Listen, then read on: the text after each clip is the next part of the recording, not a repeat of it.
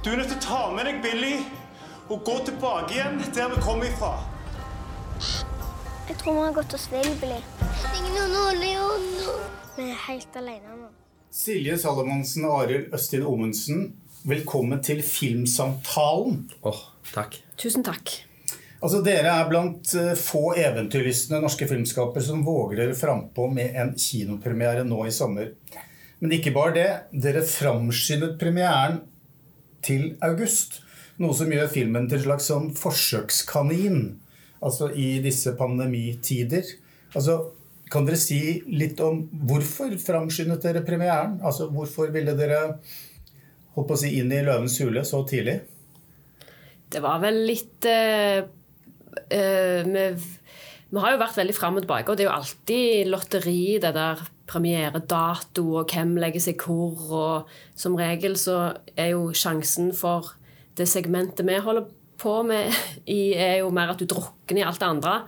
Så vi var jo liksom forberedt på at alt Hollywood-greiene kommer i høstferien, når vi egentlig hadde tenkt vi skulle opp.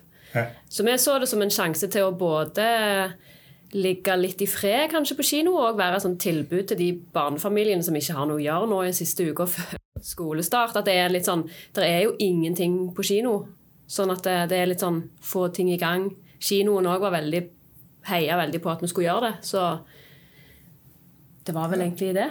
Altså, Knerten er jo der ute som en liten konkurrent, men eh, det er jo ikke, det er jo en av få konkurrenter, da, om man kan si det sånn. Ja. Nei, men som Silje sier, det, er jo, eh, det der er jo liksom spennende og vanskelig nesten uansett hvor du hvis det, hvis det går bra, så er det genialt. Hvis ikke, så, er du liksom, så hadde du, burde du visst på forhånd hvor teit du var. Det er jo sånn det funker med all lansering. Mye sånn etterpåklokskap i filmprodusentbransjen. Men på annen side så kan man si at uh, de fleste norske barn er jo hjemme i ferien. Og de fleste har vært på fjelltur, så det er jo òg Ja. veldig sånn Enten så, så kan de gå og se, se sitt eget liv på kino, eller få litt inspirasjon til å gå ut igjen på en liten tur til. Ja. Kort, altså Det jeg syns er så fantastisk med denne filmen, eller en av de tingene som jeg liker, er jo at det er veldig enkelt å gjenfortelle hva den handler om. En pappa faller ned i et hull. Eh, barna må greie seg selv i villmarka. Yep. Det er high, high concept. Ja. Eh, kan, altså, men, men samtidig så er det jo, den er jo ganske oppbyggelig. da Jeg, jeg bare kom til å tenke på at den forrige filmen dere lagde sammen, 'Know It's Dark', var jo veldig dark. Det her er jo på en måte mye mer Altså Det er lysere, det er mer oppbyggelig. Eh, var det litt deilig å begynne på denne filmen etter å ha på en måte beveget dere inn i et mørke gjennom de foregående filmene? Altså, og det var, det var jo helt klart eh, et, en slags motreaksjon. Jeg, når jeg satt, altså jeg satt i klippen på eh, Now It's Dark, og så tenkte jeg ja, var, Jeg fikk faktisk en, eh, en mail av en kompis som sa nå må du komme deg i gang med noe nytt på en måte, før, det, før du stivner helt. Og, så, og da tenkte jeg da må jeg gjøre noe super, super enkelt. Så var det liksom bare den, den ideen der datt liksom bokstavelig talt inn i, i hodet mitt. Og den er jo, som du sier, utrolig enkel. Og det er jo, det er jo kun det det, og det er sånn vanligvis, og spesielt på Now It's Dark, så, så er det utrolig vanskelig å forklare hva den filmen egentlig er. ikke sant? Men, eh, mens her er det jo, som du sier, det er en, en far som detter ned i et hull. Og så etter hvert så er det noen andre også som detter ned i hull. Får liksom et annet plan, men det snakker vi ikke om til ungene. Nei. Eh, men eh, altså Det er en oppbyggelig film på mange måter. Da. Det er jo en familiefilm. Absolutt. Eh, I den forstand at dette er noe foreldrene kan se sammen med barna. Vi har jo hatt lyst til at det skal være på en måte den filmen som foreldrene har lyst til å dra ungene med på. Eh, og at det er like mye for foreldre og unger. At du på en måte har en sånn filmopplevelse som du deler da på, på samme nivå, istedenfor at det er sånn dirty joke til far og, og fisehumor for ungene. Eller sånn. Det pleier liksom litt- for mor. ja, sånn, det pleier å være litt sånn uh, delt inn, veldig sånn, og veldig mye lyd og veldig mye uh, støy, da, er min opplevelse. Som, som jeg, jeg merket jo sjøl at mine unger ofte heller foretrakk å se filmer på TV og NRK Super enn å dra på kino. Og det syns jeg jo er synd, for jeg, jeg husker jo så veldig godt de filmene som har gitt sånn dypt eh, inntrykk, som ofte var filmer som mine foreldre likte. Kanskje bedre enn meg der og da, at de gikk litt over hodet på meg. Eh, men de har jeg på en måte vokst opp med og liker fortsatt like godt som jeg gjorde når jeg var syv. Sant? Sånn at da, det er liksom den, det er det vi har prøvd å strekke oss etter, da, å lage en sånn en liten tidløs eh, film som, som treffer bredt, og som gjerne åpner litt hovene, og, og, og, du kan være med og dikte med, og du kan gjerne snakke om ting etterpå. At det liksom, filmen varer litt lenger enn akkurat eh, popkornboksen, liksom. Men er det kanskje også en film vi trenger eh, Det er blitt en klisjé å si 'i disse tider', men altså i, i litt vanskelige tider? Ja, det kan godt være. Og altså, det, der er jo, som, som du er inne på, den, den er jo liksom oppbyggelig, kanskje. Men det er jo òg Ja, jeg mente jo ikke at den bare er oppe Nei, nei, nei men, men det er jo faktisk eh, altså, det er jo en del sånn Du har, en sånn, du har på en måte den, de som lager film, og så har du de som er i den, i den ringen ut forbi. Så uten å gå nærmere innpå. Men det er litt sånn Det er liksom en annet segment når du, når du lager en film. De, der har det kommet litt sånn signaler om at de syns at denne filmen er litt dark. Men det tror jeg bare handler om at det, at det, det, er på en måte følelser involvert i det. Og det er jo for så vidt altså, Den situasjonen de to jentene er i, er jo egentlig ganske farlige. Det er bare det at eh, de er unger, så de, de tar liksom ikke det så tungt. Ikke sant? Og så er det jo et litt annet budskap her, og det er jo at eh, kan man egentlig stole på de, på de voksne? Kan man, kan man støtte seg på de? Og den er jo, den er jo litt grann mørk, eh, men samtidig måten at den oppfordrer jo til eh, altså, eh, Hva heter det? Altså at, at barna blir selvstendige? Da. De må ta saken Ja, ja. Ja, de må tenke litt sjøl, og, Ja. og på en måte og, Altså, det er jo òg noe med at vi var veldig opptatt av at ungene skal fikse biffen sjøl. At det på en måte ikke er sånn at de ender med å ringe til politiet eller Røde Kors kommer til slutt. Eller at de treffer en person som hjelper de å ordne opp. Vi var veldig bestemt på at de to jentene skal få altså Uten å røpe alt, men da gjør jeg jo det. Få redda far alene. Men alle de voksne de treffer, er jo litt mer eller mindre datt ned i forskjellige hull på, på ulike måter og er hjelpeløse. Men de er jo snille, og de hjelper de jo To av de i hvert fall hjelper de litt videre. Eh, men det er jo òg noe med at eh, folk sliter jo. Voksne sliter, unger sliter. Ja. Det er motbør og motgang i livet. Og, og det er mer en, en film som viser òg at eh, OK, mor er, må være på sykehus og hvile litt, men hun kommer jo ut igjen. Det går over. Ting endrer seg og, og kan bli bedre, på en måte. Jeg tenkte jeg skulle stille spørsmål som dere kommer til å bli stilt utallige ganger. Og det er jo at dere bruker deres egne døtre som skuespillere i filmen. Og så har jeg et sitat fra deg Arild, om at du sa på et eller annet tidspunkt at med den måten vi lager film på, hadde det vært umulig å lage denne filmen uten å bruke våre egne barn. Ja, Det er jo ikke helt sant, eh, tror jeg. Det hadde, det hadde gått fint å ikke bruke våre egne barn. Og, men, Akkurat nå er det jo faktisk sant. Ja. Kohortmessig. Ja, akkurat nå er det kanskje sant. Nei, men det, det, var, jo en, det var jo en idé som, som viser seg å ha uh, Hadde noen baksider òg.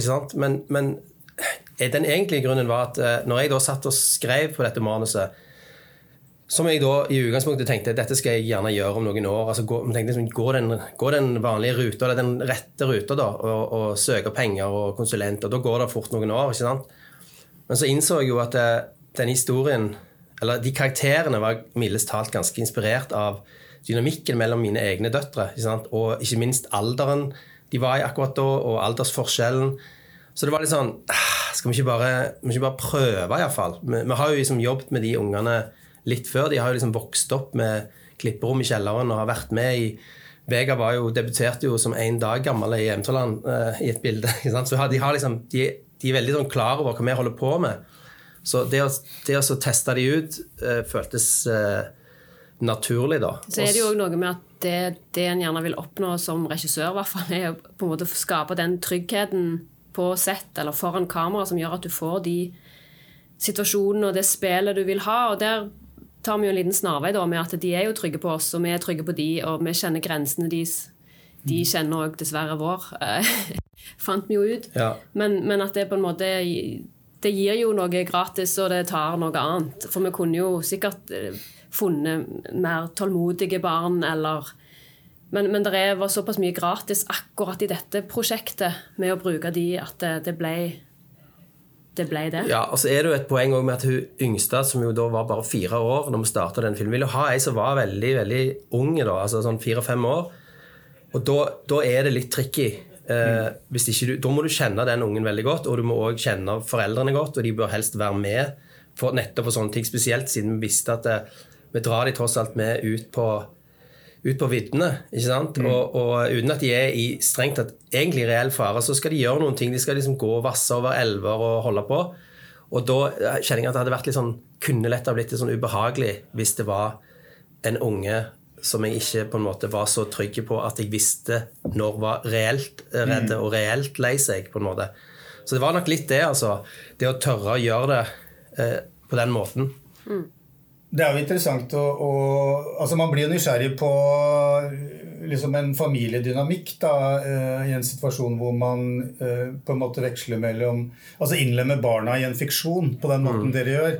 Og det må jo må ha vært ganske mye sirkus bak i kulissene underveis. En, en, det er en slags rar unntakstilstand for enhver familie å være i, skulle jeg tro.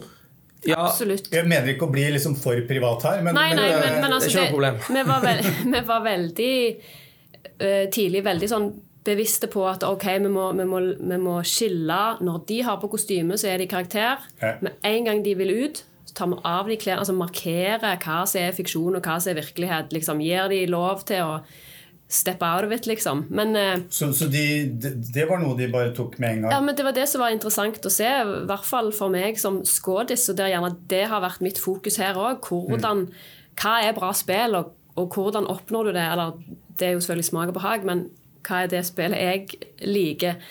Eh, og de to tilnærmingene til det, fra ei på fire, som bare naturlig går inn i en lek og dermed glemmer seg sjøl, som jo er drømmen til en skådis, og ei som er litt mer sjølbevisst på, på hva vi holder på med, eh, har en annen tilnærming. Og de, det var jo null problem for de å skille fiksjonen og Altså når vi fikk hun fireåringen til å på en måte skulle fortelle hva hun har opplevd i sommer på filmen, er det noe annet. Det var det noe, en helt annen historie enn den som da mormor spør om når hun kommer hjem, hva har du gjort i sommer. Da forteller jo hun om Dyreparken og om altså alt vi har gjort. Mens eh, så, det er liksom null, var null problem for dem å Ja, og det er, jo, det er jo det som er med at unger er jo altså Noen iallfall er jo naturlig skuespillere i den forstand at det spesielt kanskje Jeg vet ikke om det, om det er så mye av det. altså Hvis du bare spiller dataspill, så blir du ikke sånn. Men hvis du blir tvungen, sånn som våre unger har blitt tvunget til å faktisk leke med dokker og klosser og den slags ting, så, så blir det jo veldig de driver jo med den type rollespill. Sant? De snakker med andre stemmer, de snakker med stemmer til til dokkene. Så det å, det å drive skuespill er jo noe de holder på med hele veien. Sånn at det er jo egentlig bare å, og det, Sånn sett så passer det veldig godt med den måten vi har lagd film på de siste ti åra, fordi at der har vi liksom lagt opp til sånn opplegg der skuespillerne eh, de leser gjerne manus og vi snakker om scenen, og sånn, men når vi går ut og gjør, eh, gjør eh, selve filminga, så, så prøver vi å gjøre det mer som et slags eh, reelt slash rollespill. Der, liksom, der ting kommer kanskje litt sånn uventa. De vet ikke helt når det og det skjer, og hvem som sitter inne i det rommet når de går inn den døra. Sant? Det er en sånn et sånn grad av sånn living, på en måte, som jo òg passer veldig godt med uh, å, jobbe med ungene på den måten. Men det, det betyr, for det betyr jo da at bare at jeg da som fotograf er nødt til å være enormt på. Sant? For jeg får ikke, jeg får ikke en sjanse til til å ha akkurat det bildet når de gjør det på den måten som er, som er bra. Det er nødvendig. Altså det å gjøre ting flere ganger. inndekningen blir litt annerledes. Ja. på en måte. Og det er jo, synes jo jeg var interessant med Kristoffer Joner, som vi har med en bitte liten birolle her. Han, han var jo veldig sånn på at det er mye mer likt å jobbe på Tottori og Mission Impossible enn alt innimellom. Det er bare på to vidt forskjellige ender av pengeskalaen, da. Men det er likevel for skuespillerne den friheten du får av at når du kommer på sett, så er det ikke noe venting. Alt er på dine premisser. Det er på ungene sine premisser da, for å nettopp få det spillet bra, da, eller best mulig. Ja, og det, var jo, og det er jo litt sånn, på en måte litt sånn interessant at eh, kanskje at eh, den måten, altså den måten vi snakker om altså Ja, jeg vil gjerne si liksom, to ord om den der Ikke bare anta at folk vet hva jeg sier, mener når jeg sier måten vi jobber på. Men, men måten vi har jobba på både på Eventyrland og Now It's Dark, er at eh, da har jeg både hatt regi og foto, og så har det vært noen ganger eh, kanskje én eller to assistenter, men stort sett bare meg på sett. Men at vi liksom gjør forberedelsene sånn som på Now It's Dark, når vi hadde en del sånn scenografiting og sånn, så er det folk inne og jobber med det i noen dager. Men så, så drar de hjem, og så er det bare meg og eh, skuespillerne som holder på. ikke sant? Og, og det er liksom eh, Men nå glemte jeg hva jeg skulle si. Ja, det var, Men, men dere har jo på en måte delt regi Ja. denne gangen. Og det er jo det nye. Det er, Ja. ja. Eh, Men jeg tenkte altså, Eller er det det nye fordi dere har jobbet så tett sammen før?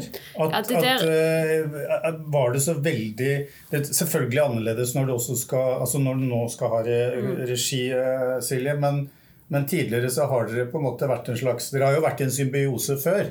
Det, har ikke, altså, det der har jo alltid vært et problem for meg. Og, og, og jeg har alltid feil næringskode på sånne søknader. Fordi jeg, jeg opplever jo at jeg, jeg har jo aldri egentlig jobbet med Arild som konvensjonell skådis kun. Eh, Det, alt glir litt over i hverandre, og det er jo en slags sånn flerfaglig greie eh, gående. For du, har, du må jo nesten det. For vi er to stykker som skal gjøre 30 manns jobb, egentlig. Sånn at for meg har ikke det føltes som et sånn stort sprang, det å nå være regissør. Men det har jo selvfølgelig òg med dette konkrete prosjektet å gjøre. Eh, Det at vi regisserer unger, eh, og at det er bare oss to som Så det har jo vært eh, altså Inndelingen har jo glidd over i hverandre, men vi har òg liksom funnet locations. Vi har jo òg måttet på en måte forberede alt veldig grundig før vi går ut med de ungene. Og det er jo egentlig sånn vi har holdt på på Naud Stark, I hvert fall at vi på en måte regien har vi da tatt hjemme, fordi du skal jo være bak kamera. Ja, ja. Men, men det har gått veldig sånn Ja, og spesielt sånn på Now Stark, så var jo, der vi hadde så mange eh, skuespillere som eh, vi kanskje ikke har jobbet med før, og sånn, så var jo så På settet så var jo ofte Silje, mens jeg drev og liksom skifta linser, eller et eller annet sånt, så, så er hun den som på en måte tar den på settet-regien. For hun vet, hun vet hva vi vet hva vi tenker. Hør deg, sier vi, jeg sier ikke. Vi er jo veldig i synk, da.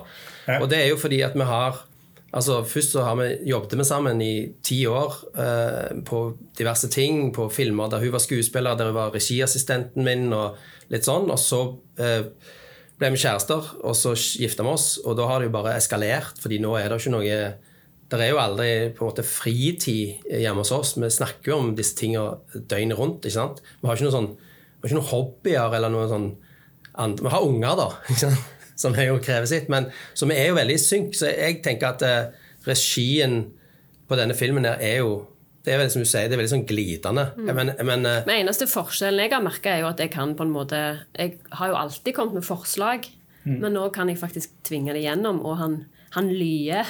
Fotografen må lye. ja, det, kan, det, det var litt nytt. Ja, det var litt, I starten så var det litt uh, vanskelig for meg å akseptere at jeg faktisk måtte gjøre ting som jeg da kanskje syns var teite. Som jeg selvfølgelig etterpå ikke syns er teite, da. Men, eh, så det var, men, men jeg tror nok jeg hadde, jeg hadde nok mer problemer med det enn henne. Fordi at jeg var redd for å jeg var redd for å trå på henne som regissør. når hun plutselig ble Men hun var sånn Men herregud, da, vi- dette har vi jo gjort før. Det er jo, du trenger ikke på en måte behandle meg mer forsiktig nå enn Men jeg sleit litt med det. At, den der, at jeg var redd å liksom overkjøre henne. Men eh, Men, men det er jo litt sånn dristig å involvere familien, eh, altså hele familien på denne måten. Jeg mener Enhver filmproduksjon sånn som jeg ofte opplever det, er jo en unntakstilstand hvor regissører på et eller annet tidspunkt spør seg selv hva i helvete er det jeg egentlig driver med her? ja. Ja, det er- Ikke sant? Og når man er like, så samtidig er, er, eh, er på det skipet sammen med hele familien altså, det, må, Ja, ja, og da- det- det- det er utfordrende, og, og man, kan jo ikke, man kan jo ikke trippe rundt hverandre heller. Hva, Nei. Det, det er jo ikke til å stikke under stol at dette er det vanskeligste filmprosjektet vi har gjort. Helt uten tvil. Altså, de første to ukene på fjellet der, da, da var det Vi var så tynnslitte og, og nedkjørte at eh, da måtte da, da, der Gary kom inn, altså produsenten. Da satte Gary seg i bilen fra Stavanger og kjørte fem timer opp på fjellet. Hadde med seg et par flasker vin. Og, og, og prøvde liksom å roe, roe oss ned. Sånn vi liksom, for da var, da var vi på en måte litt sånn klar for å gi opp. Ikke sant? Fordi det var nettopp det der med Altså Det vi ikke hadde tenkt på, det var jo altså En ting er som sagt, Vi kjenner ungene sine grenser og alt det, alle de positive tingene. Det, det er fint. Men det som, det som jo er bare downsiden, det er jo at de vet nøyaktig hvor de skal stikke fingeren for å pirke i foreldrene sine. Og de vet, de, vet hvordan de kan ut... Og du lover de ting. Du lover de at ja, vi skal gå og bade etterpå. Bare gjør det én gang til, så skal du få is. Så når du da kommer hjem, altså sånn, En arbeidsdag på fjellet, kanskje står jeg opp eh, klokka seks og reiser opp eh, først gjerne alene og sjekker den locationen vi har vært på dagen før og ser at liksom, ok, alt er i orden, lyset kommer til å stemme. Så drar vi opp og filmer, så går det noen timer, og sånn, og så kommer du hjem og så må du bade i badeland i tre timer. Og så må du lage middag. Og så, altså, der, det, begynte å, det begynte å slite på. Vi hadde liksom ikke hadde ikke regnet med den greia der at på en vanlig barnefilm så ville vi, altså, Hvis vi ikke hadde brukt våre egne unger, så kunne vi bare gitt de til noen andre når arbeidsdagen var over. Så det, det var en det var en strek i regningen. De er dyktige forhandlere, den eh, Ja. unge De, tre, de, de trenger ikke agenter, for å si det sånn. Men, men eh, altså eh, Kan dere si litt om altså, balansen mellom alvor og, og letthet i filmen? Fordi vi var inne på det. Altså, det er jo, det er jo et, et et ikke, altså, ikke dypt alvor, men det, men det er jo på en måte Slik jeg oppfatter det, så er jo så tar den jo tak i filmen det der med at vi er jo blitt noen curlingforeldre, hvor vi vil at barna våre skal vi rydder veien foran barna våre, sånn at de slipper å snuble. Men budskapet her er jo egentlig at de, her, man må gå på trynet. Ja. Ja, og at du, du har alltid et eller annet som kommer godt med inni deg, på en måte. Men det er jo klart det, vi- Vi har jo lagd en barnefilm som var veldig opptatt av at dette aldri skal Det må iallfall ikke være for skummelt over for lang tid. Eh, så de skumle tinga er jo er jo at det blir mørkt, eh, eller når far detter ned i, i, i hullet, på en måte. Men så er gjerne de møtene med de voksne folka har vi jo prøvd å få til liksom, på ungene sine premisser igjen. da, at, det, at hun gamle dama som du kanskje, hvis du har litt erfaring med deg inn i salen, enten du er en tiåring eller du er voksen, så skjønner du at hun kanskje er litt dement. Men et barn på fire-fem tenker bare at hun er gammel og litt rar. Så blir det en sånn stemning Og det er jo sånn Unger er jo vant til å forholde seg til veldig mye forskjellig av voksne folk. Og det er jo en viktig ting å ta med seg, at folk er forskjellige. Folk har forskjellige grenser. Folk, noe kan du si Han kan du snakke sånn til, hun kan du ikke snakke sånn til. Altså De der tingene der takler jo unger mer enn, bedre enn noen. Så det er altså ikke ikke liksom lage sånne Eller liksom se på de sånne fordummende Eller at han må være ond, og hun må være snill. Altså Sånne type karakterer var vi gjerne litt sånn leie av da på, på, i barnefilm. Jeg syns det var en veldig fin, fin scene med hun ja, Nå skal ikke røpe for mye, men uh, nå er det ikke så mange barn som hører på denne podkasten. Men men, men eh, altså, de møter en eldre dame på en gård. Mm. og det, det, det beveger seg litt ut i det skumle. Og, og det kunne jo vært en slags horrorfilm, egentlig, deler av den. Men så, så, så, så på en måte lander dere det på en veldig fin måte, da.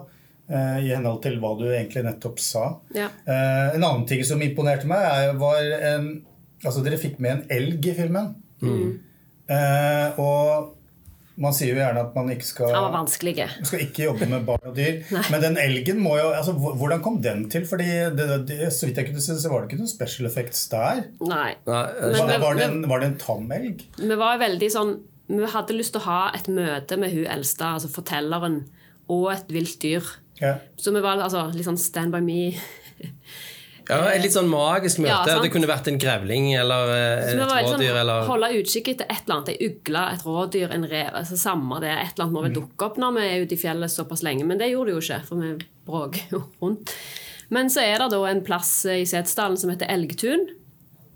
Der det går elg på et sånn vanvittig svært område. Eh, Så de er, de er jo ikke tamme, men, men de er Vant til mennesker. de er vant til mennesker, og de er vant til å bli fôra. Altså, mm. De får mat og får hjelp og sånn. Eh, og der var vi på en måte og, skulle prøve å få til et sånn bilde som vi hadde sett for oss skulle være litt sånn langt ifra. da. Bare sånn blikkontakt mellom de. Men akkurat den dagen så var det jo en elg som hadde tråkka over. Så den, den eh, lå stort sett eh, på bakken og hvilte, for han mm. sleit litt med å gå. Så, så da dro meg og bare meg og Vegard Da måtte Silje være igjen i basen med å passe på Billy. Og så, og så får vi først det bildet sånn 10-15 meter ifra. Og så har vi med oss en sånn elghvisker. En sånn sin, Ja, ja. sindige sørlending. Så sier han sånn ja, for han, han var veldig klar på det at elgen er ikke tam. Den er ikke nødvendigvis slem, men hvis den vil gå rett fram, så går han rett fram, samme hvem som står. Så han var litt sånn, vi må ha respekt for elgen. Og han, eh, han sa vi skal nok ikke gå lenger nærme enn ti meter, sier han. Men så, når vi var der, så sier han liksom jeg syns det går veldig bra, og den eh, elgen er veldig rolig. Jeg tenker det er ei lita jente her som kanskje vil klappe den elgen. Og da kjenner jeg bare liksom at hjertet mitt begynner å slå over sånn Ja, ja, ja, kan vi? Og så går vi da mot den elgen. Han hele veien rett ut av frame. Men da er det jo òg styrken av å bare være én mann. En mann i crewet, på en måte. Hadde vi vært 30 mann der, så hadde jo den elgen frika ut. Men, men da setter vi oss ned, og så begynner vi å klappe på den elgen. Og den, den opplevelsen der, for meg der og da var helt, eh, det var helt sinnssykt. For jeg, jeg har jo aldri vært så nært en elg og bare høre han puste. og Nei, det var Jeg kjenner jeg får frysninger. Jeg ser jeg får frysninger når jeg snakker om det. Så det var, altså, jeg vil si at det var ren flaks at vi fikk det bildet, da. Dette er en så rogalandsk film som det går an, kanskje. Altså, det er mye flott natur og ekte rogalandsmål.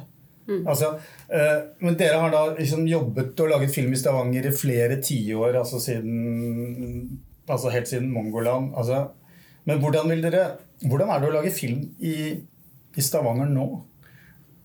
Hvordan, hvordan har dere opplevd den utviklingen? Det er, dette er jo et stort spørsmål, Ja. Men, men hvis dere kan si noe om det altså, eh, Hvordan er miljøet annerledes nå? Altså, Altså, i, I den tida eh, som vi lagde Mongoland, så, så ble det jo ofte ble det liksom omtalt som en gjeng, vennegjeng som lagde film. Ja. Som jo på den tida egentlig ikke var så veldig presist. fordi jeg kjente jo ikke så mange av de folka som var med og lagde den filmen, men jeg ble jo kjent med dem. Ikke sant? Men nå, de siste ti åra, så har vi på en måte en sånn liten, liten eh, krets. Vi har et kontor i Østre bydel der vi er vegg i vegg med Thomas Dybdahl, som jo lager musikken til alt vi gjør.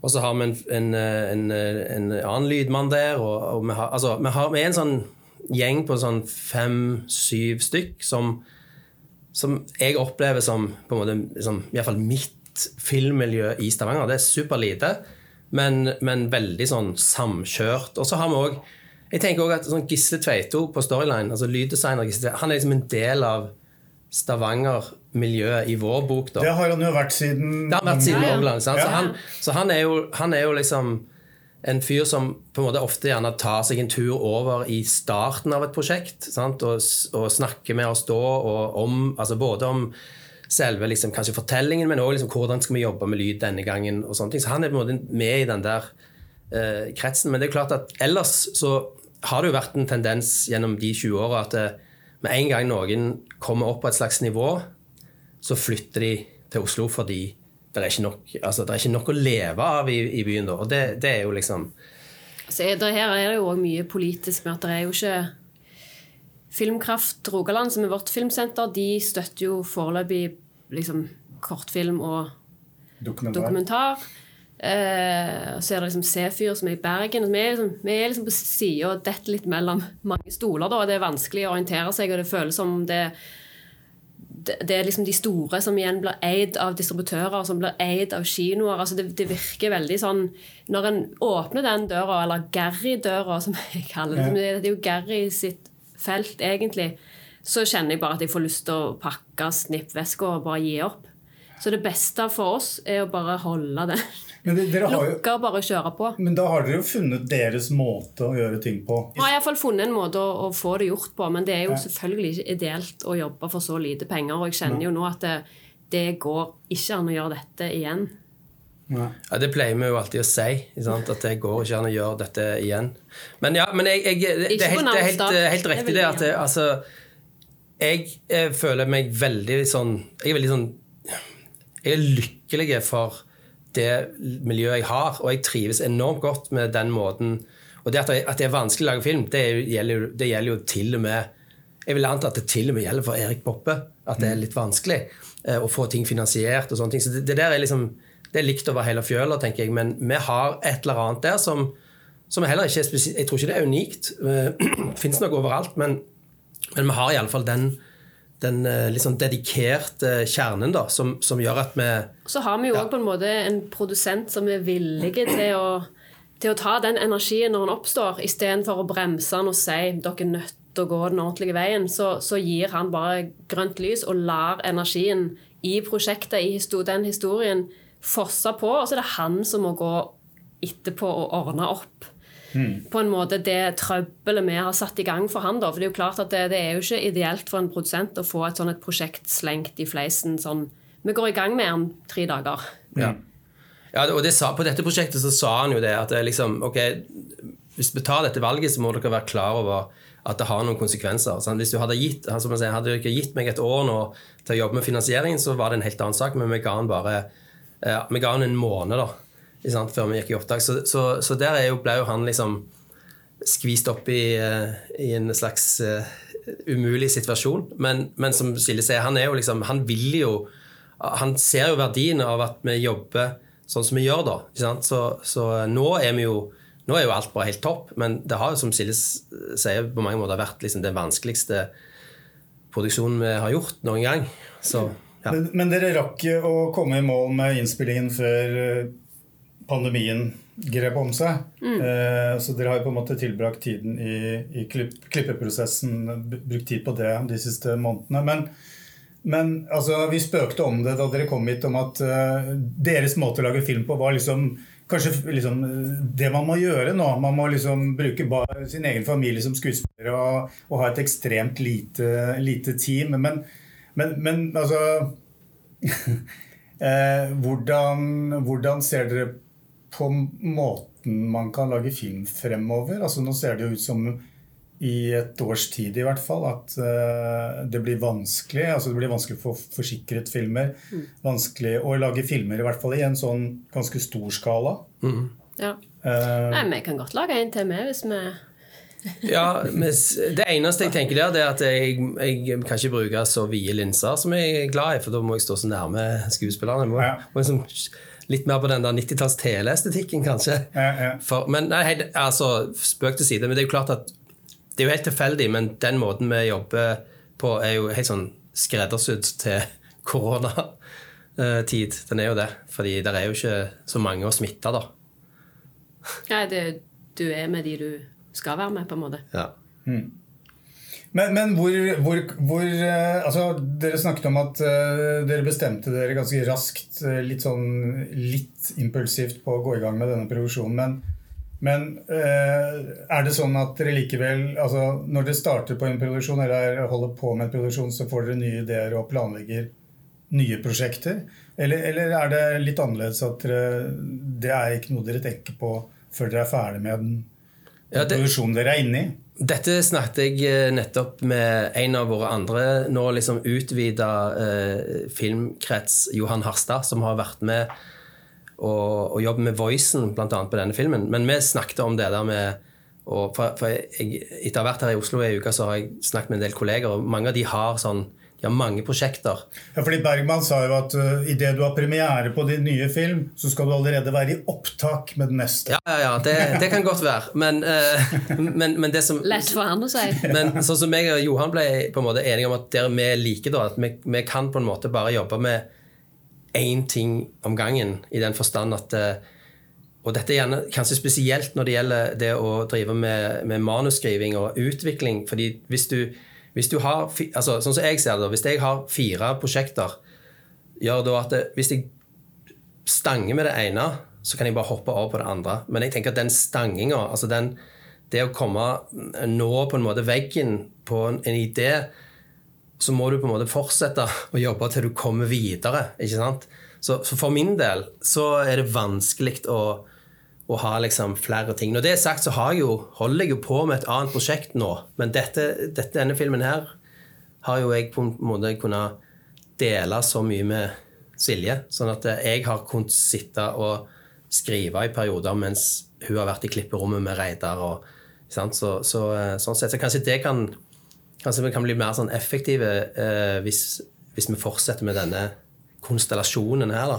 Og så har dere jo beveget, dere beveger dere ut av, av hva skal vi si, Stavanger-regionen. Altså, du har jo laget film eh, i, i Oslo-området. Du har hatt hovedrolle og jobbet med film, andre filmprosjekter. Altså, dere, er- dere, dere holder jo på eh, på ulike Ja, ja. Ja, ja, og Og det, det- er jo òg en liksom Det er jo òg en inspirasjon på en måte til å finne ut Altså, for vi jobber jo på en måte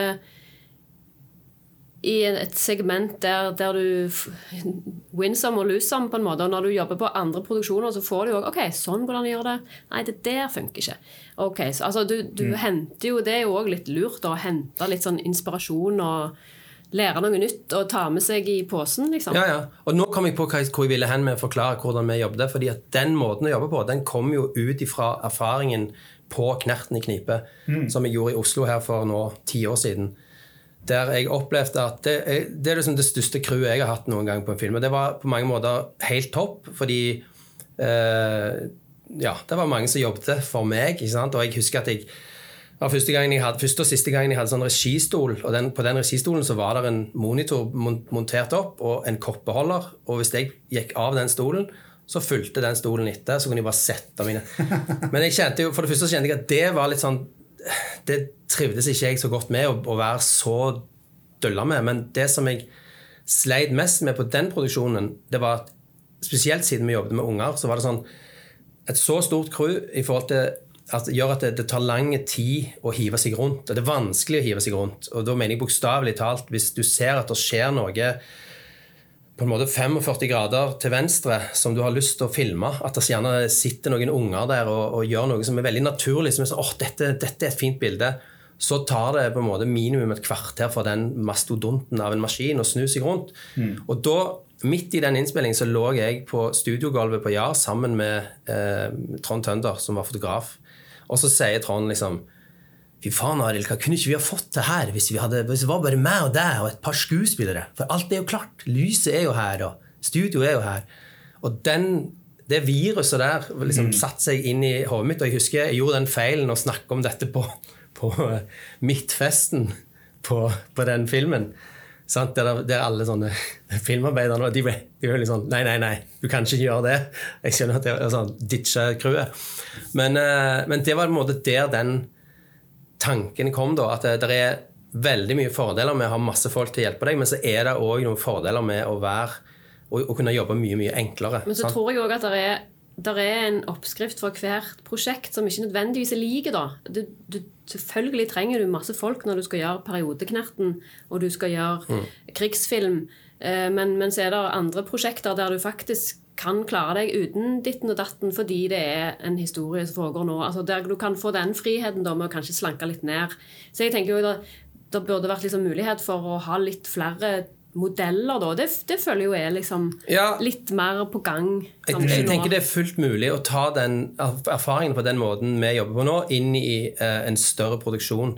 Sånn som vi ser at det faktisk altså, som, Hva er ideelle ja, Som Kristoffer liksom? snakker om, at det, på Mission Impossible så er det på en måte sånn. Det, det er bare for, Forskjellen er bare at det er 300 mann som rigger til den scenen i mange dager før de kommer på sett. Og når de kommer, så er de helt De kan gjøre hva de vil, men de er ganske få. ikke sant?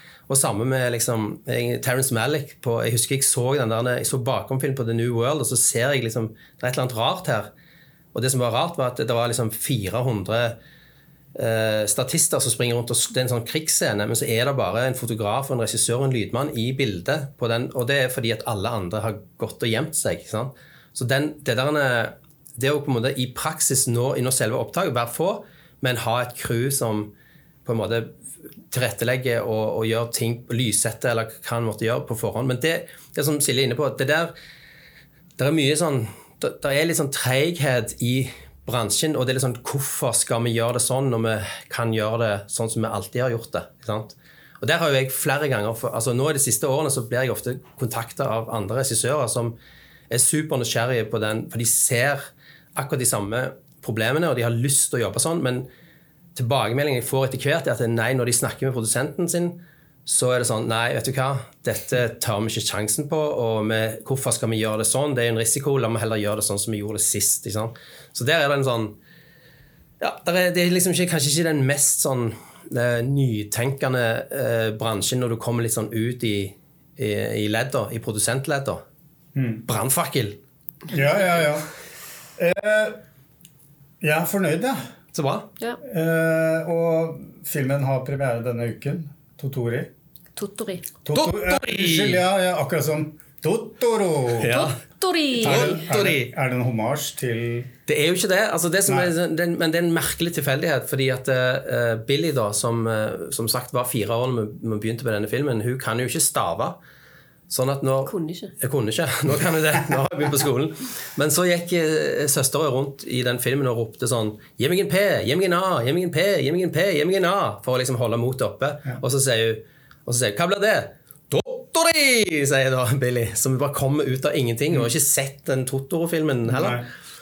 Men så blir det en sånn ting at eh, Billy begynner å kalle liksom, Hun har en sånn enhjørning på, eh, på brystet, og så kaller, så kaller hun den for Tottori, og så blir det på en måte Tottori for oss, da.